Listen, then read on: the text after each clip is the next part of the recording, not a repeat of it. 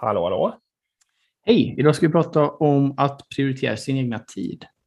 Ja, det här är ett litet eh, verktyg, alltså jag vet inte ens vad jag ska kalla det, men en litet knep som jag använder ibland när eh, kanske så lite nya chefer tycker att de har svårt att hinna med, de har svårt att lista ut vad som är viktigt, det är svårt att hinna med allt, brukar det heta. Sånt där, liksom.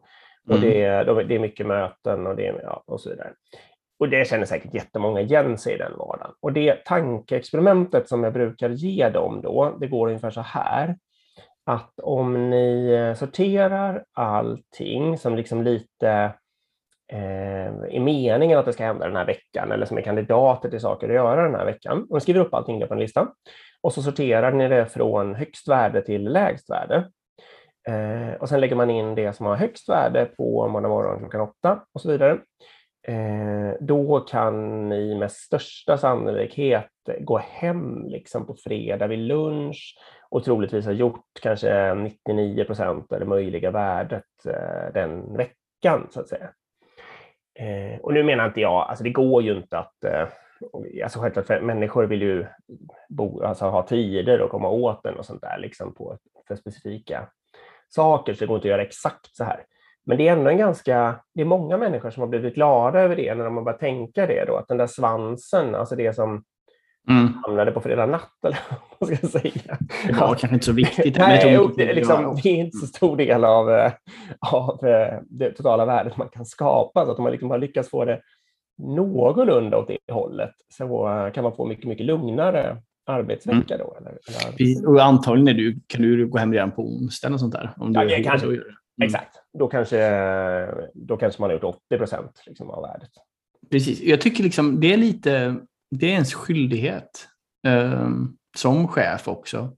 Att inte vara bokad 8 till 5, fem dagar i Mm. veckan. Mm. För ett är att du måste vara tillgänglig. Så att folk, Mm. om folk vill ha möten med dig samma dag så ska det finnas tid att boka dig samma dag. Fråga saker och så. Absolut. Ja. Eller vad det nu kan vara. Liksom. Mm. Men tillgängligheten är otroligt viktig. Och sen också så eh, är du då uppenbart dålig på att prioritera din egna tid. Liksom. Så du är Ja. ingen bra förebild heller för både möteskulturen i företaget och eller som liksom en anställd. Du är heller ingen förebild om du enda du gör är att springa på möten. Eh, Det man kan göra också för att eh, komma ur den där fällan och prioritera sin tid bättre, det är ju bara att helt enkelt gå en helt mötesfri vecka. Du tackar nej till allt. Alltså du Mm. agerar som att du vore sjuk eller något sånt där. Det gjorde ju Du- jag. Ja, du har gjort det. Ja. Mm. Ja, det var inte så länge sedan faktiskt.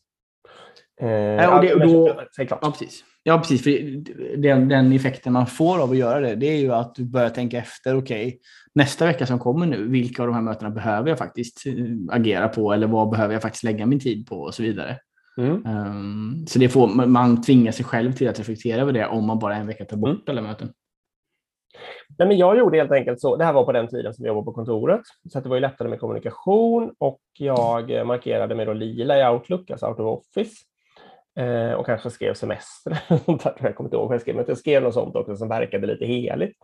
Mm. Eh, och sen så har jag för mig att jag gjorde så här att jag accepterade möten som hade, alltså, och de som liksom var interna kunder till mig, liksom, det jag stöttade. Eh, så hård var jag inte, den där accepterade mötet. Men, och sen så kommer jag ihåg den ledningsgruppen som jag ingår i, den kommer jag ihåg i huvudet och gick bort till, liksom, fast jag hade den inte i Mm. kalendern. Eh, och i övrigt så sa jag bara till alla människor att "Ja, men jag är där. Liksom. Vill ni något så är det bara att komma förbi. Så här. Ni kommer ju se mig där och så är det bara att vinka och så, och så tar vi det. Liksom, allt eftersom. Mm. Det var otroligt skönt. Mm. Eh, Det är ju mer så Och- vi borde jobba antagligen. Ja. Generellt. Liksom. Mm. och eh, jag har inte kunnat hålla i det och nu i pandemin har det ju inte heller, eller jag har inte kunnat, ska jag, säga. jag har inte hållit i det. Men nu när du påminde mig så kanske det är dags att väcka upp den. Ja, jag har personligen så, och det är ju på grund av min organisation också, men jag kör ju en mötesfri dag i veckan. Mm, det är bra. Så vi har ju en dag som är mer, mer eller mindre helt mötesfri. Jag skulle säga att jag är ganska duktig. Jag kanske ligger på 70 eller 80 procent. Alltså Mm. sju av tio sådana dagar har jag faktiskt verkligen noll möten. Mm. Och tre av tio så klämmer vi in längre workshops och sånt för att det, det, Mm. alla är lediga den tiden. Ehm, ja, så är det.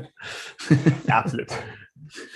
Men jag vet inte, då, och då kanske det tenderar att bli sånt som är viktigt, alltså att ni, de du jobbar närmast på riktigt, eh, Mm. springer undan och gör liksom, och det kanske är mer okej då än att det splittras upp av massa eh, hitan och ditan möten. Nej, men precis. Ja, men bra. Det var dagens. Det var det. Vi hörs. Hej. Hej.